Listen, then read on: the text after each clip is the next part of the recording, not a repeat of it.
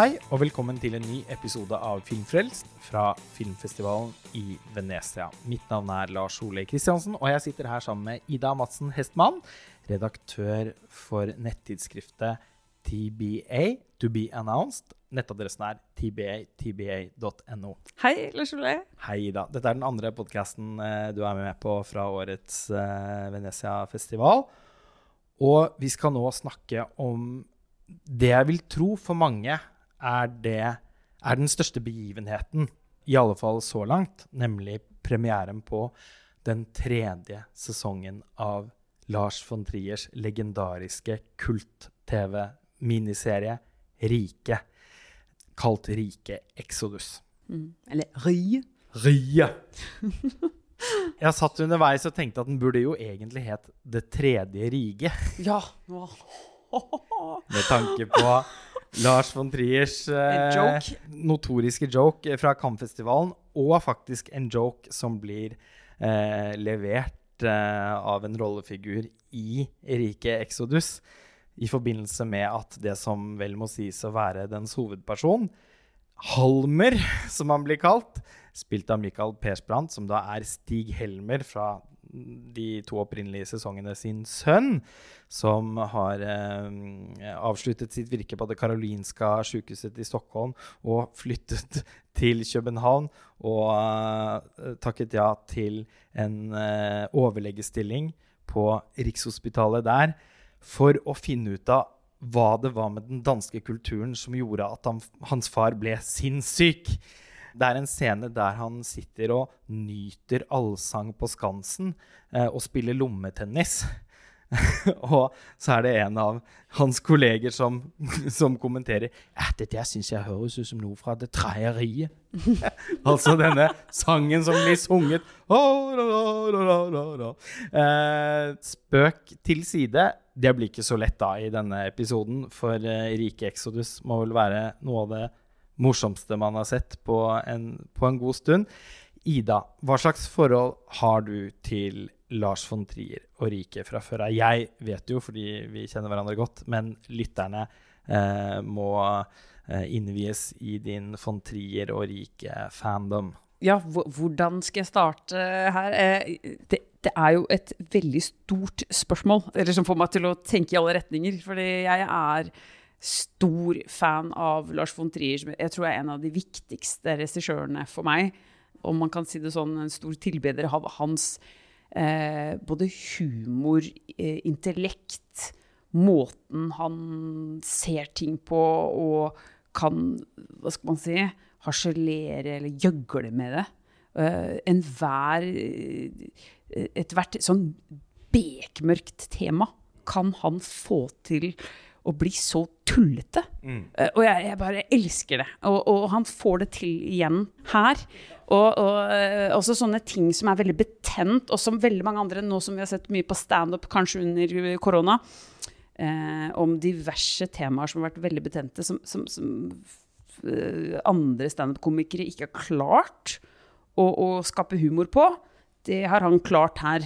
Og det, det, er kanskje egentlig ikke en overraskelse når jeg tenker meg om. Nei. For det, det her er, det, er så kjent også, når jeg ja. kommer inn i dette riket. og alt, det, er veldig gjenkjennelig alt sammen. Og det er herlig og deilig å bare bade seg inn i hva det er, disse svumpene som, som er under riket. Bleimjørnet. Ja. ja. ja. altså jeg er jo da også veldig interessert i von Triers kunstnerskap og skrev min masteroppgave i filmvitenskap om Antichrist. Og eh, siden jeg ble oppmerksom på von Triers eksistens en eller annen gang tidlig på videregående, så har jeg jo da fulgt på en måte lanseringen av nye von Trier-verker med eh, voldsom interesse. Eh, og når von Trier kom med en ny film, eller som i dette tilfellet, en ny TV-serie, så er det liksom noe mer enn bare eh, det nye verket i seg selv. Det er også alt rundt. Altså von Trier er så utrolig god eh, til å skape forventninger eh, rundt det han lager. Uh, og han har jo da hatt noen helt sånn legendariske lanseringsturneer og sånn knyttet til være seg Antichrist eller Nymphomaniac. Og da i og for seg også The House That Jack Built, som var hans siste spillefilm, som hadde premiere i Cannes i 2018. Nå har jo von Trier blitt diagnostisert med Parkinsons uh, sykdom, og derfor er han ikke til stede på filmfestivalen i Venezia. Uh, du har likevel intervjuet han, vet jeg, Ida, over Skype. Ja. Hvordan var det? Du, det var um, Hvordan skal jeg si det, da? Det, det er jo alltid helt altså absurd å, å, å sitte sånn ansikt til ansikt med en person du beundrer, da. Uh, hvor jeg alltid blir ganske nervøs og nevrotisk på en gang. ikke sant? Um, og altså noen du har liksom fordypet deg i, eller og, ja, nesten på en eller annen måte kanskje stalka, hvis man kan si det sånn. Uh, uten å egentlig ha, ha gjort det i, på, på, den måten. Da. Uh, så, så, det er jo sånn jeg må bare åpne det med og bare si hei, jeg beundrer deg og jeg er fan. Før her kommer etter hvert litt uh, kanskje kritiske spørsmål, jeg vet ikke. Eh, men eh, Nei, det var eh, rart, eh, altså i dansk forstand, altså å, å møte han rart. Ja. på, selv om det da dessverre var via Zoom, hvor, hvor, han, hvor jeg da ser tydelig at han er jo preget av å ha parkinsons. Og han er jo selv, som han har sagt også på pressekonferanse, ekstremt bevisst på symptomene han har. Eh, så, så, han var jo da Han er litt treigere på svar, og litt, han er jo ikke like kvikk i refleksen, som han sier. og sånn, Men, men, men han er fortsatt veldig kvikk i hodet, eh, og, og, og, er den samme gamle. Og, og, som vi ikke må glemme, han fikk jo parkinsons mens han spilte inn. Eller det var vel kanskje ganske tidlig i innspillingen også. Så. Men altså, von Trier har jo slitt en del med skjelving og sånn egentlig i mange år. Og det har man jo oppfattet at har vært en bivirkning av alle pillene han har uh, tatt. Mm. Uh, og så kan det jo hende at noe av det egentlig har, har vært uh, tidlige symptomer på Parkinsons. Det, det, ingen av oss har den medisinske kompetansen til å kunne si noe om det. Men det at vi nå kjenner til at han er rammet av den sykdommen, det gjør jo at man begynner å skjønne at man kan ikke lenger ta et nytt von Trier-verk for gitt. Nei. Så det var med et islett av melankoli, egentlig, at Eller melankolia. ja. Uh, ja at jeg satte meg ned særdeles forventningsfull i salen Giardino her eh, på Lido for å se Rike Exodus. Og jeg rangerer den første sesongen av Rike som noe av det aller, aller beste han har gjort. Jeg setter veldig stor pris på den andre sesongen også, men det er særlig den første som jeg har et eh, spesielt liksom, nært forhold til. Den har jeg sett eh, sikkert eh, mellom 10-15 eh, ganger. Og såpass, ja. ja. Det det. jo, men det var enormt viktig for meg ja. i mine formative år. Jeg må jo legge til at jeg så Rye i Danmark altså mens jeg var på høyskole, altså folkehøyskole. Og så det har vært sånn 2006, så jeg var seint presentert for det, faktisk. Så, ja. jeg, så, jeg, så jo, jeg har jo sett andre ting før jeg så Rike. Ja, for Rike var ja. faktisk noe av det første jeg mm. så av, av von Trier. Og noe av det som umiddelbart appellerte mest, også fordi at jeg jo er veldig opptatt av skrekkfilm, da, og var det også den gangen. Eh, siden har jo også von Trier eh, forholdt seg til motiver og eh, filmatiske grep vi forbinder med horror i Antichrist. Men å se han nå returnere til Rikshospitalet i København føltes også på en måte som å sette seg selv i en tidsmaskin, fordi det er egentlig ikke så mye som har skjedd. Den nye serien starter med å introdusere oss for den ene av de to hovedkarakterene i den nye serien, som er Karen fra 'Idiotene'. Spilt av ja, Bodil Jørgensen? Ja, som jo spiller Karen i 'Idiotene'. Jeg mm. opplever det som at det er Karen fra 'Idiotene'. Som sitter og ser Rike sesong to på DVD. På den DVD-en som alltid har eksistert. Fordi Rike har jo aldri vært tilgjengelig for strømming. Det har aldri blitt utgitt på Blu-ray. Det er den samme jævla gamle DVD-en fra Sentropa som uh, har vært måten å, å, å, se Rike på. Og det er den hun da uh, sitter med. Og uh, hun er frustrert uh, idet serien er slutt, fordi Nei, men det var jo, det var jo ikke noe slutning, jo. og så bestemmer hun seg da for å dra til Rikshospitalet om natten for å se hva som har skjedd der. På magisk vis så venter det en, en bil som skal frakte henne dit utenfor uh, det grimme huset hennes. Og hun er da søvngjenger uh, og blir en slags ny fru Drusse. Og idet hun entrer rigets port, så endrer estetikken og formatet seg. Eh, den nye serien er skutt av von Triers eh, faste fotograf eh, fra de siste ti årene, Manuel Alberto Claro. Og starter da i Cinemascope og eh, med en eh, ja, mer realistisk orientert fargepalett. Men eh, straks hun er inne på riket, så, så, så innskrenkes formatet og 16, den liksom brunaktige, nesten sepiatonede 16 mm-estetikken returnerer. Og så inntreffer den ikoniske fortekstsekvensen til Rige-serien Kingdom! Ja. der alle de nye rollefigurene ja. blir presentert akkurat på samme måte som i den opprinnelige. Og det er jo litt av en rollebesetning. Michael Persbrandt, uh, som nevnt, uh, spiller uh, sykehusets nye overlege. Helmer, eller Halmer, som han blir kalt, fordi en, han er en, anses for å være en halv Helmer, fordi han er Stig Helmers sønn. Tuva Nuvotny, Nicolai Lie Kaas, Victoria Carmen Sonne, Lars Mikkelsen, Nicolas Bro, Gita Nørby, Søren Pilmark, Peter Mygin, Henning Jensen og Laura Christensen, som spilte den feilopererte Mona eh, i de opprinnelige sesongene. Det er en god miks av eh, skuespillere som returnerer til sine opprinnelige roller, og en helt ny eh, rollebesetning. Altså, for en cast. Jeg får helt gåsehud av uh, den rollebesetninga.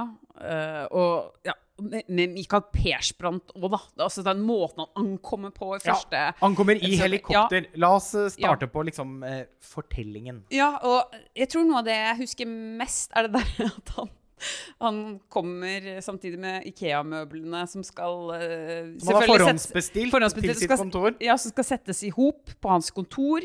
Uh, men også dette med at han har skjønt at han må gå rundt og le mye. Uh, Fordi danskene liker god stemning. Ja, ja. Og han er svensk til beinet og har ikke noe annet enn forakt til overs for den danske kulturen, som han nå frivillig på en måte skal la seg tvinge inn i for å bli bedre kjent med sin fars skjebne. Ja, og her møter han bl.a.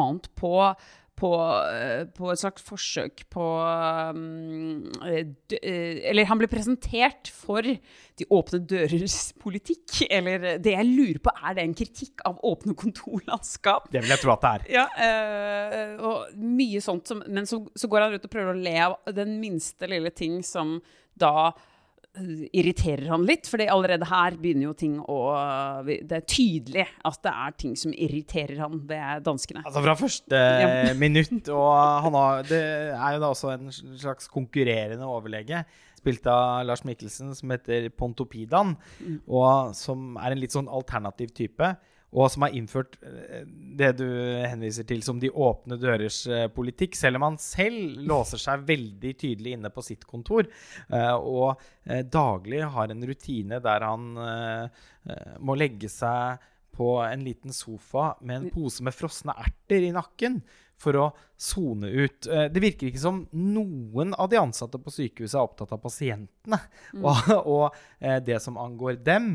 Egentlig så eh, later det til at riket eh, utelukkende egentlig er befolket av ansatte som bare surrer rundt. Og som vi kjenner til fra, eh, fra de to første sesongene, så fins det mange underetasjer i bygningen der det foregår ulumskheter. Mm. Det er nå en slags kjeller der det foregår sånn hacking og IT-virksomhet. En sånn kjempe luguber IT-avdeling. Søren Pilmark sin uh, rollefigur holder fortsatt på med, med, rusmidler og har egentlig opprettet en slags sånn opiumsavdeling der de eldste ansatte ligger som eh, noodles i Once Upon a Time in America, Sergio Leone, eh, og, og, patter på opiumspiper. Og deres eneste funksjon nå som de langt på vei vil jeg si er pensjonerte, noen av dem er jo døende oldinger, deres funksjon er å bidra til en slags sånn intern jury hver gang det skjer en hendelse som må bestraffes.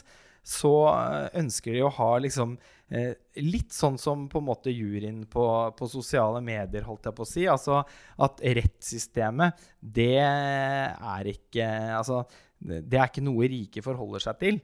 De løser ting på sin egen måte. Og alle disse helt vanvittige ideen om hvordan en arbeidsplass skal organiseres, eh, blir jo da Halmer særdeles eh, sjokkert av eh, allerede den, den, første dagen. Og noe av, av, det han blir utsatt for helt konkret, er en liksom bli kjent-drikkelek. Eh, hvor det da er Sverige mot Danmark. Og da er det en av uh, sykehusets kirurger, spilt av Nicolai Lie Kaas, Eh, han sitter på en måte og, og, og, vurderer spillet, mens de som uh, går til kamp, det er da Nicolas Bro uh, sin karakter og Michael Persbrandts Halmer. Og det går ut på at de skriver opp viktige svenske og danske kunstnere på lapper, og så battler de, liksom. da. Så da er det H.C. Eh, Andersen mot Astrid Lindgren, det er Dreyer mot Bergman. Og det er helt umulig å forstå eh, hva som gjør at noen har vunnet eller tapt her. Eh, og det ender i alle fall med at eh, De må jo begge drikke Enorme mengder brennevin. Ja. De får lov til å velge våpen eh, mellom en svensk akevitt og gammel dansk. Og eh, Eh, Halmer velger da naturligvis den svenske akevitten, som han ender opp med å, å, måtte drikke sikkert halvannen liter av. Og blir da så nær døddrukken at han blir lagt på en båre. som er da Båren er jo en døra til, eh, til kontoret, som de skrur ned. Som en sånn tatovert fyr skrur ned. Det la jeg i hvert fall merke til. Ja. Sånn, litt sånn derre bolerkar. Ja. Og så, ja, så, så, det blir båra hans. Og så blir han fraktet opp eh, på taket av bygningen og må tilbringe natten der, også for å kunne si de eh, ikoniske ordene 'Dansk jævler!' mot slutten av eh, episoden, uten å avsløre altfor mye. da. Og jeg vil jo tro at lyttere som ikke ønsker å vite noen ting av hva som skjer i den nye sesongen, sannsynligvis har slått av denne episoden for lengst. Men vi skal jo da forsøke å unngå å eh, si altfor mye om, om selve handlingen. Men det er jo da ikke en veldig handlingsdrevet sesong. Den, den, første er jo det til en viss grad, fordi at vi skal få vite hva som har skjedd med, med Mary, som, som, er et spøkelse som går igjen, som sannsynligvis er vekket opp på bakgrunn av den feilopererte Mona, uh, og som fru Drusse blir opptatt av å finne ut av liksom, hva som har skjedd med henne. Og så sklir det jo mer ut i den andre sesongen, og vi er fortsatt på et sånt plan, syns jeg, når vi nå returnerer til riket. Men jeg vil jo si at uh, balansen mellom skrekk og humor den har forskjøvet seg en del. Nå er det mest av alt en helt sånn spinnvill eh, sykehussåpesatire. Eller hva var det? Og da jeg intervjuet Nicolai Lie Kaas For du har intervjuet så, han ja, også? Så sa jo han uh, til meg vel Hva var det for at det var den soap? Uh, eller soap, sa han. Uh, på halloween. Eh, og så tror jeg var, han sa, la vel til at det var på syre, men, eh, men liksom bare, jeg syns det var litt sånn Ja, det er jo egentlig også ja. lagt opp til å være en slags adventskalender, fordi eh, det er jul. Eller ja, altså, det er førjul. Men når alt kommer til alt, så er det vel eh, konflikten mellom den svenske og danske kulturen som står aller mest sentralt i riket Exodus og som kommer til uttrykk ja. på veldig mange morsomme måter. Noe av det første Halmer krever, er f.eks. at de skal ha et kjønnsnøytralt eh, sykehus der alle er hen. Og derfor må man gjennomgå alle sånne journaler og sånn, og, og, og kjønnsnøytralisere de, som naturligvis da fører til feiloperasjoner. Ja. Som må Ja. sies å være et pek, da. Egentlig også mer sånn kommentar bare òg. Jeg, jeg liker det. At det, det, er ikke noe Det er ikke så mye mer enn at det skjer ting. Eller det får konsekvenser, da. Det er noe med å si det at, at når du skal endre på noe som man har gjort tradisjonelt før, eh, så, ja, men så vil det få konsekvenser eh, som vi kanskje ikke har tenkt på. Eh, og som, som, som man først kanskje har en sterk debatt om, men så har man kanskje ikke tenkt på eh, alle konsekvensene av noe. Så jeg syns det var ganske sånn godt eh, gjort, da. Ja, jeg er helt enig. Og eh, det er ikke sånn at eh, von Trier inntar en slags posisjon her eh, og har en sterk mening om, om noe i vår tid. Han, eh, han kaster ut noen ting eh, og leker og troller med det. For eksempel, da, reagerer også Halmer på manglende diversitet eh, blant de, de ansatte, eh, som, som får sitt svar i en veldig gjøglete og, og morsom eh, scene. Og eh, den svenske liksom, politiske korrektheten, den eh, blir satt løsnese på, samtidig som von Trier da også på ymse vis raljerer med ting som vi oppfatter som typisk dansk. Og hvis eh, Rige på en eller annen måte er et slags symbol eller et symptom på, på Danmark, så, så er jo den rapporten ganske bekymringsverdig. Fordi den ansvarsfraskrivelsen som eh, virker å være rutine der, den eh, er jo mildt sagt ikke tillitvekkende sett at man var i en situasjon der man ble innlagt som, eh, som pasient. Og alt dette her ser vi jo også da i de to første sesongene, naturligvis. Men det er på en måte aksentuert eh, noe, eh, føler jeg. Det er, eh, en, det er jo da også en sesong som har en metadimensjon ved seg, som blir tydelig med en gang, ikke sant? Med hun Karen som ser rike på, på DVD og derfor uh, søker seg inn til, uh, til de gamle bygningene.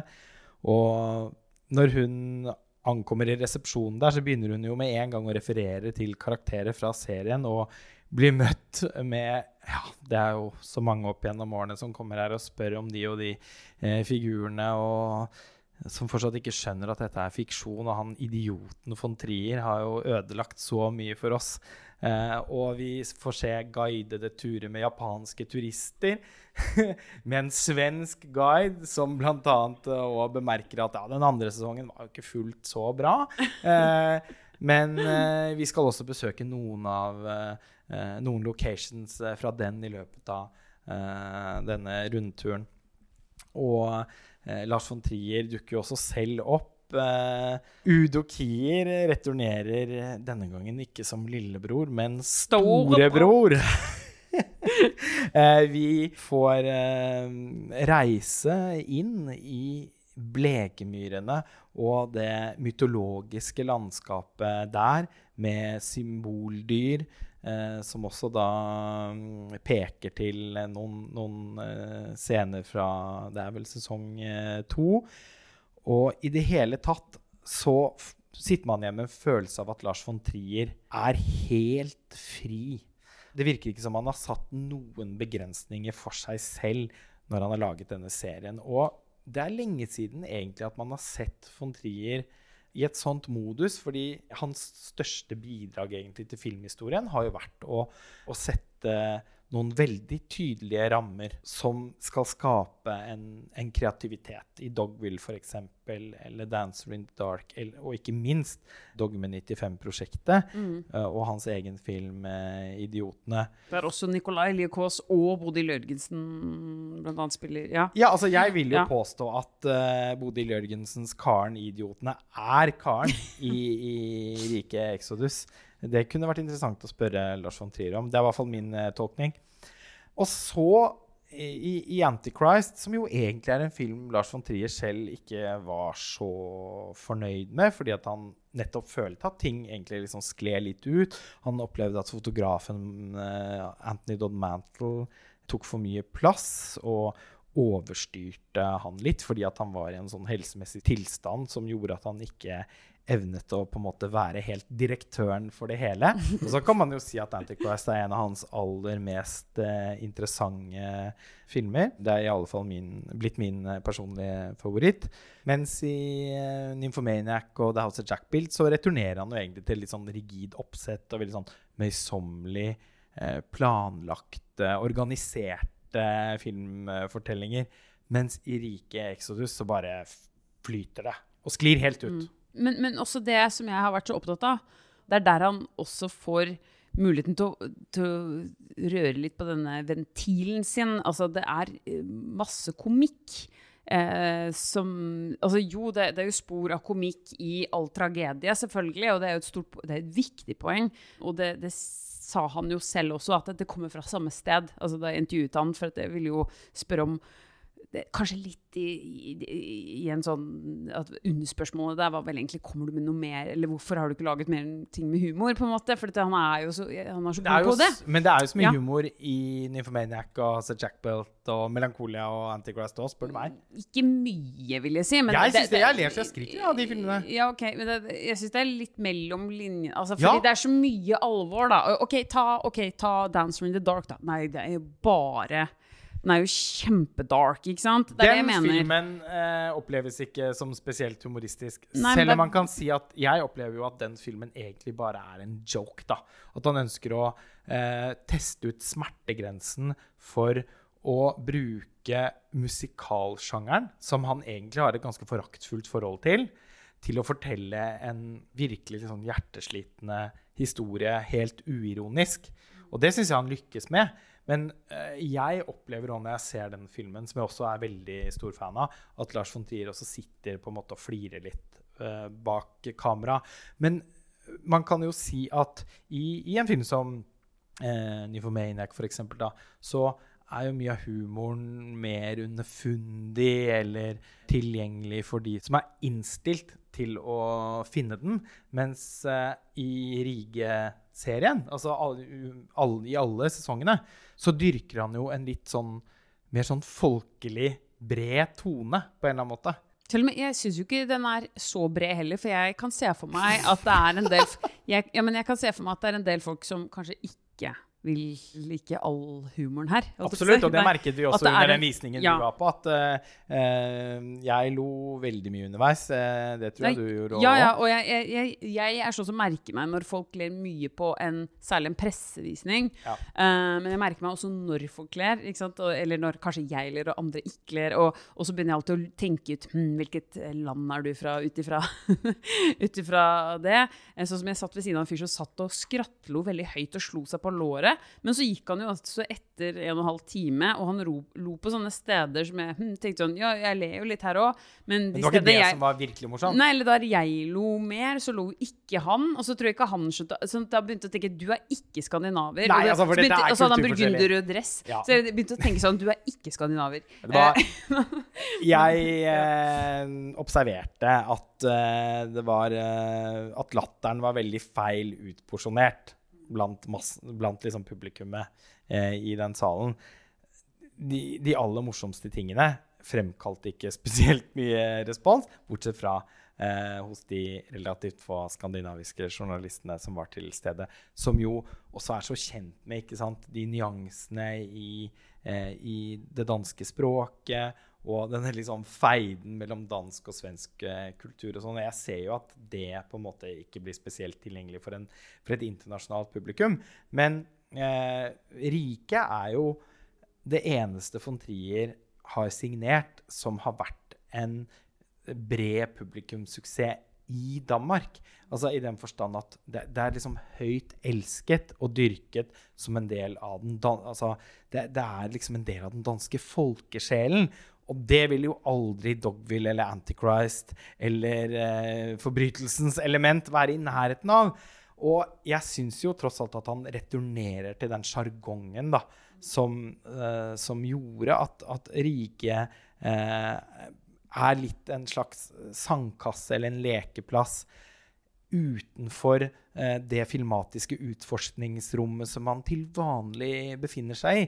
Og det er jo så utrolig herlig å se at en, en stor filmkunstner bare prøver på så mye forskjellig og ikke nødvendigvis lykkes med alt. Altså, serien er jo òg per definisjon litt ujevn, bare fordi den er skranglete i sin natur. Og det er noe av poenget, da. Det er sånn at- da jeg tenker det, det tilgir man. eh, ja, ganske- det, altså, bare fordi at ja. det er jo Det, det må være sånn. Ja. Jeg, jeg sitter bare at jeg tenker at jeg må bare le av alt sammen. Mm. Og det er så herlig å se von Trier eh, kose seg på jobben. Jeg føler at han virkelig har fulgt enhver impuls han har fått mens han har sittet Ja, og skrevet det. Ja, men jeg tror det er det, da. Det er det. Jeg, jeg vil ha mer av det. Eller det er derfor jeg er glad for å få det til gjensynet. Men, men det er da jeg tenker, altså, han er så god på å spille på det komiske, og, og utrolig skarp.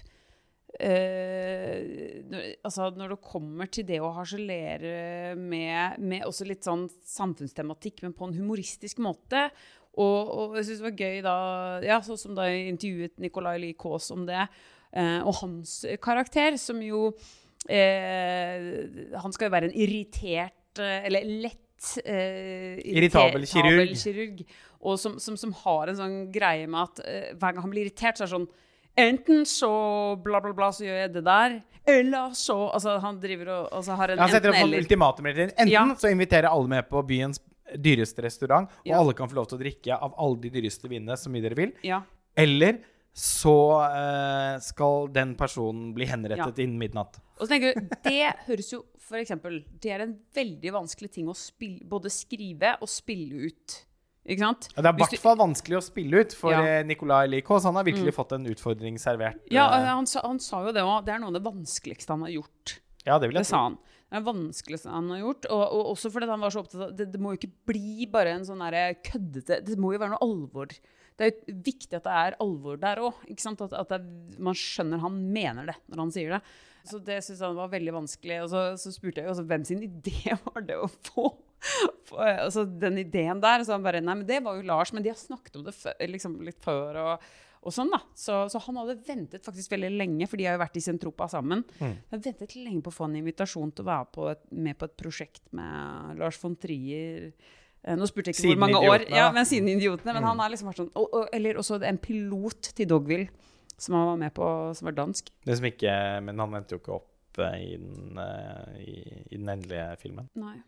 Så, nei, men, men, men, men det er det han sier. Det er noen sånne Det er et viktig poeng med, med tanke på liksom, den rene komikken, eller liksom farsen, eller altså hvordan Når er ting bare tullete, som- som- sånn at det ikke blir morsomt lenger? Ja. Ikke sant? Den balansegangen der.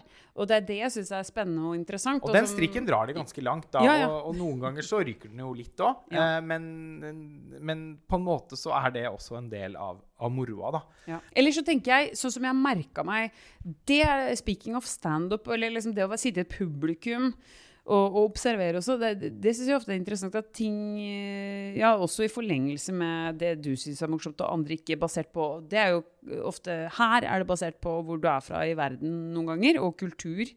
Men, eh, og, og hvorvidt du skjønner språket. Eh, men, men også i eksempel Hvis vi bare tar den til Norge, så er det jo interessant altså, Jeg tenker noen ting vi kanskje ikke syns er morsomt. Det kan andre synes er, altså, sitte og gapskratte av. Ikke sant? Og, det er det jeg tenker altså, ja, I forlengelse av at du sier det er folkelig, det er jo det at kanskje ikke alt lykkes. Eh, Kanskje no, noe vi kanskje ikke ler av, eh, og som andre ler av. Altså, det, det, det appellerer til veldig mange, da. Og så er det ting som noen syns er morsomt, og som andre syns er kanskje veldig provoserende. Ja. Og alle rollefigurene har jo så tydelige personlighetstrekk at det på en måte utgjør de viktigste liksom, tannhjulene egentlig i fortellingen. Fordi det er ikke helt sånn at man skal fram til noe her. Eh, vi skal naturligvis ikke avsløre slutten, men eh, det er noe også noe eh, ikonoklastisk ved prosjektet. Han har på en måte også lyst til å ødelegge riket og den kultforklaringen av det han har skapt. Det også har jeg tenkt på er ikke det Og det, det, er så interessant, for det tenkte jeg på. Og så sa også Nicolai Lies Koste også, hvis jeg, når jeg sa hvis du skulle fortalt det til noen som aldri har sett Rike, og som kanskje ikke er fra Danmark, hvordan, hvordan skulle du forklart på, altså på enkelt vis hva dette handler om, ikke sant? det er et meget godt spørsmål. Nå er jeg spent på ja. hva han svarte på det. Eh, nei, men det, det, var jo da han sa det var såpe møter halloween. Altså Det var det første han sa. Men så sa han også mm, at eh, Men så er det en institusjon. Eh, men også hvor ting er i ferd med å, eh, å det, er, det, er, i ødeleggelse. Altså, mm. Det er hans tolkning av riket, og han har vært fan siden det kom. Mm. Eh, og han leste manuset nå når han skulle være med tre ganger etter hverandre. Bare for å forstå det, eller mm. forstå hva det er han skal inn i. Mm. Men han mener jo øh, også, som jeg har liksom tenkt på også når jeg så det på nytt, også før jeg skulle hit og, og se del, altså tredje sesong, uh, at, det er jo Er det liksom det å si noe om noe som er i, uh, på vei til å bli ødelagt, men på, på flere plan, da? Og, og, og, hvilken av verdenene er galest, liksom? Altså det, det, og det derre med altså det som da er litt mer sånn okkult eller underverden, er den egentlig noe verre enn det som liksom skjer i reelt Altså det er den derre Den eneste stor sånn kritikk mot eh, altså, lederskap og, og byråkrati og, og, og Eh, ja, eh, som jeg syns oh, han, han, bare klarer å coine det bedre, enda mer tydelig nå. Altså, Byråkratisatiren liksom. syns jeg jo eh, er eh, enda mer liksom, utforsket i denne siste sesongen. Apropos at skrekkelementene tross alt er litt mer fraværende. Eh, den er jo ikke genuint uhyggelig på samme måte som den første sesongen er. Nei. Spesielt den, da. Og eh, da Lars von Trier og Peter Olbæk Jensen bestemte seg for å lage en TV-serie, så var det inspirert av Twin Peaks til David Lynch, som Lars von Trier var megafan av. Og han hadde lyst til å lage liksom, Twin Peaks på dansk. Og så hadde de pitchet uh, Eller de hadde ikke pitchet noe, de hadde bare tatt kontakt med DR, da statskanalen i Danmark, og eh, sagt at de var interesserte i å, å lage en, en, en, miniserie. Og de hadde etter sigende et møte hvor de ankom veldig uforberedt. Og la merke, kikket ut av vinduet og fikk øye på mm, Rikshospitalet. Og bare sa ja, det skal foregå på, på Rike. og så ja. hadde de heller ikke noen tydelig idé f.eks. om hva slags estetikk serien skulle ha. Men på den tiden så opplevde von Trier at danske filmfotografer hadde altfor stor makt. Det var nok også tilfellet i Norge, vil jeg tro. At de på en måte annekterte litt filmer eh, med sin visualitet. Og eh, gjorde regissøren mer til en sånn slags skuespillerinstruktør. Og det var noe von Trier ønsket å opponere mot, så derfor kjøpte han og Peter Aalbæk Jensen inn et helt sånn forferdelig 16 mm-utstyr som de fant i en bruktforretning. Og så hadde de audition eh, og ble enige om at eh, de kunne bare jobbe med en fotograf som var villig til å jobbe med det lorte utstyret. Og det ble jo da Erik Kress, som i dag vel kanskje er Danmarks mest anerkjente fotograf, eh, hvis uh, man tenker at Anthony Dolmantle tross alt egentlig er uh, britisk. Uh, og resten er historie, på en måte. og en annen ting Lars von Trier har vært opptatt av i, gjennom hele sitt kunstnerskap, er ideen om det røvmytologiske.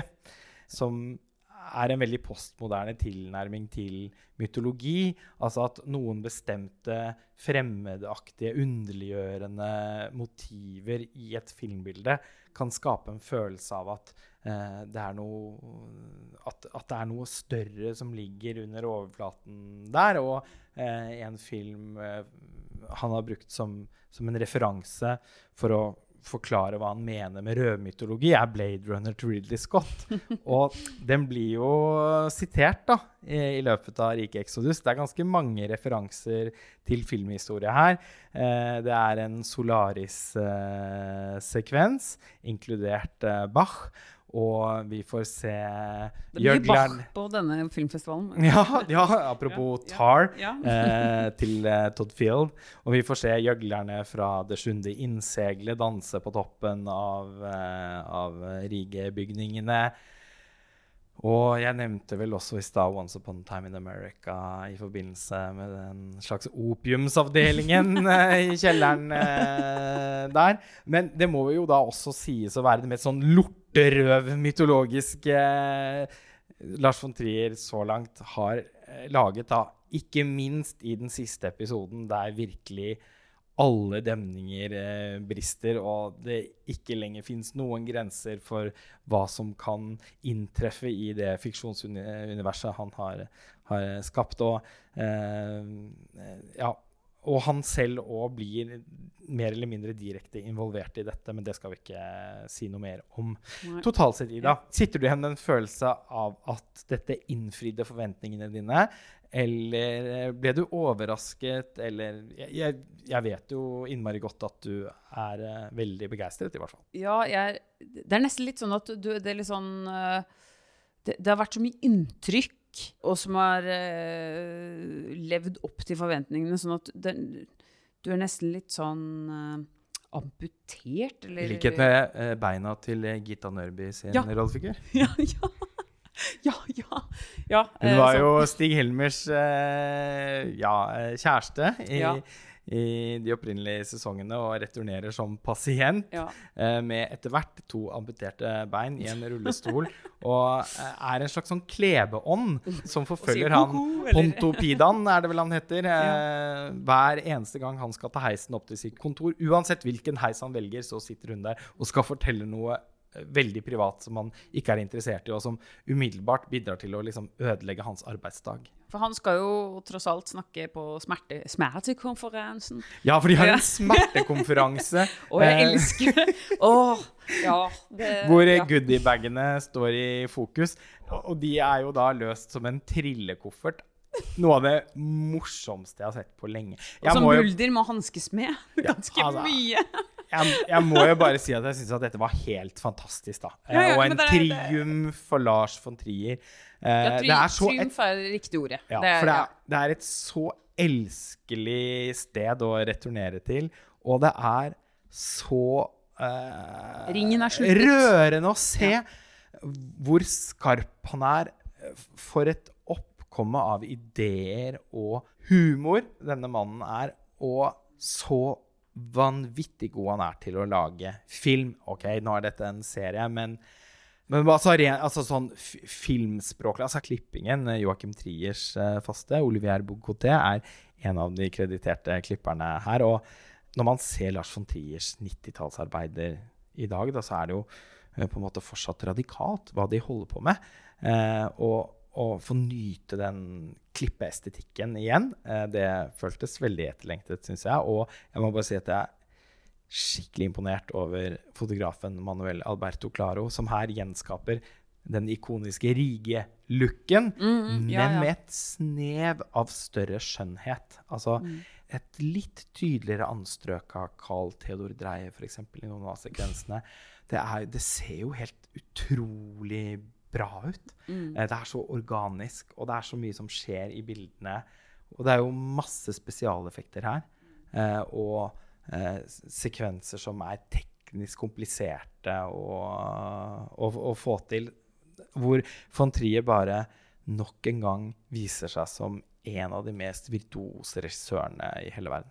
En, en måte jeg kan illustrere hvordan, hvor bra jeg syns del tre er, da. Eksempel når man sitter på filmfestival, så, du ser jo veldig mange timer med film, og da får man litt sånn Man blir litt sånn eh, rastløs etter hvert, da, for å si det mildt. Og kanskje man inne, innimellom begynner å se på klokka på mobilen, eller sånn, hvis, hvis man føler ting blir lang, litt sånn langdrygt.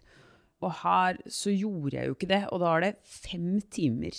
Ja, Man De føk av gårde. Ja, ja, og det, å, jeg er fanget fra første bilde. Og, og det, er, ikke sant? Og det er noen ganger jeg tar meg selv i det sånn Å, hvor mye tid har gått? Eller så sånn, for en luksustid, ja. så mye som skjer hele tiden. Det er så mye stimuli. Ja. Eh, ja, men det er laget Det er perfekt designet for folk med ADHD, vet du. ja, ja. som sånn crave stimuli, eller, eller folk som har kort attention span. Men her det er en uh, energi i alle sekvensene. Det er sånn at ja, du føler ikke at noen sekvenser er unødvendig. Og det er jo godt gjort i en serie hvor, hvor det, er som egentlig også er fylt av ja, ja, ja. unødvendigheter. Og, men det er, det, det, er, eh, det er jo det jeg elsker, eller eh, i veldig mange tilfeller eh, gjør at jeg vender tilbake til mange universer. Så er det det med at man, man skaper et sterkt miljø som man vil være i. Uh, og hvor du er veldig glad i karakterene på ulike måter. Og her er jo det derre Ja, sånn som når vi snakker om gamle Altså 90-talls eh, sesongene. Eh, sånn som at jeg likte så godt det derre innimellom når det, når det skifter fra at vi går fra noen som holder på med noe, og så skifter kamera og filmer plutselig på Frode Rose og, mm, og Bulmer som driver og Nei, Bulmer, sier jeg. Ja, Brukket for mye sider, si. Nei, men Bulder som Altså, de holder ja, og den nye med Frud Russe, da. Altså Ja. karen. Ja, ja, men sånn eh, Men også i gamle Ja da, vi får jo også se noen flashbacks, ja. Men, ja, men også at uh, altså Det er det jeg liker, at du får en opplevelse at her er det mye som skjer i samme, samme bygg. At det er, her er det et community. Her er det Dette er eh, for real, selv om det er så jævlig langt fra virkeligheten som det kan komme. Men jeg er bare så inni det, da.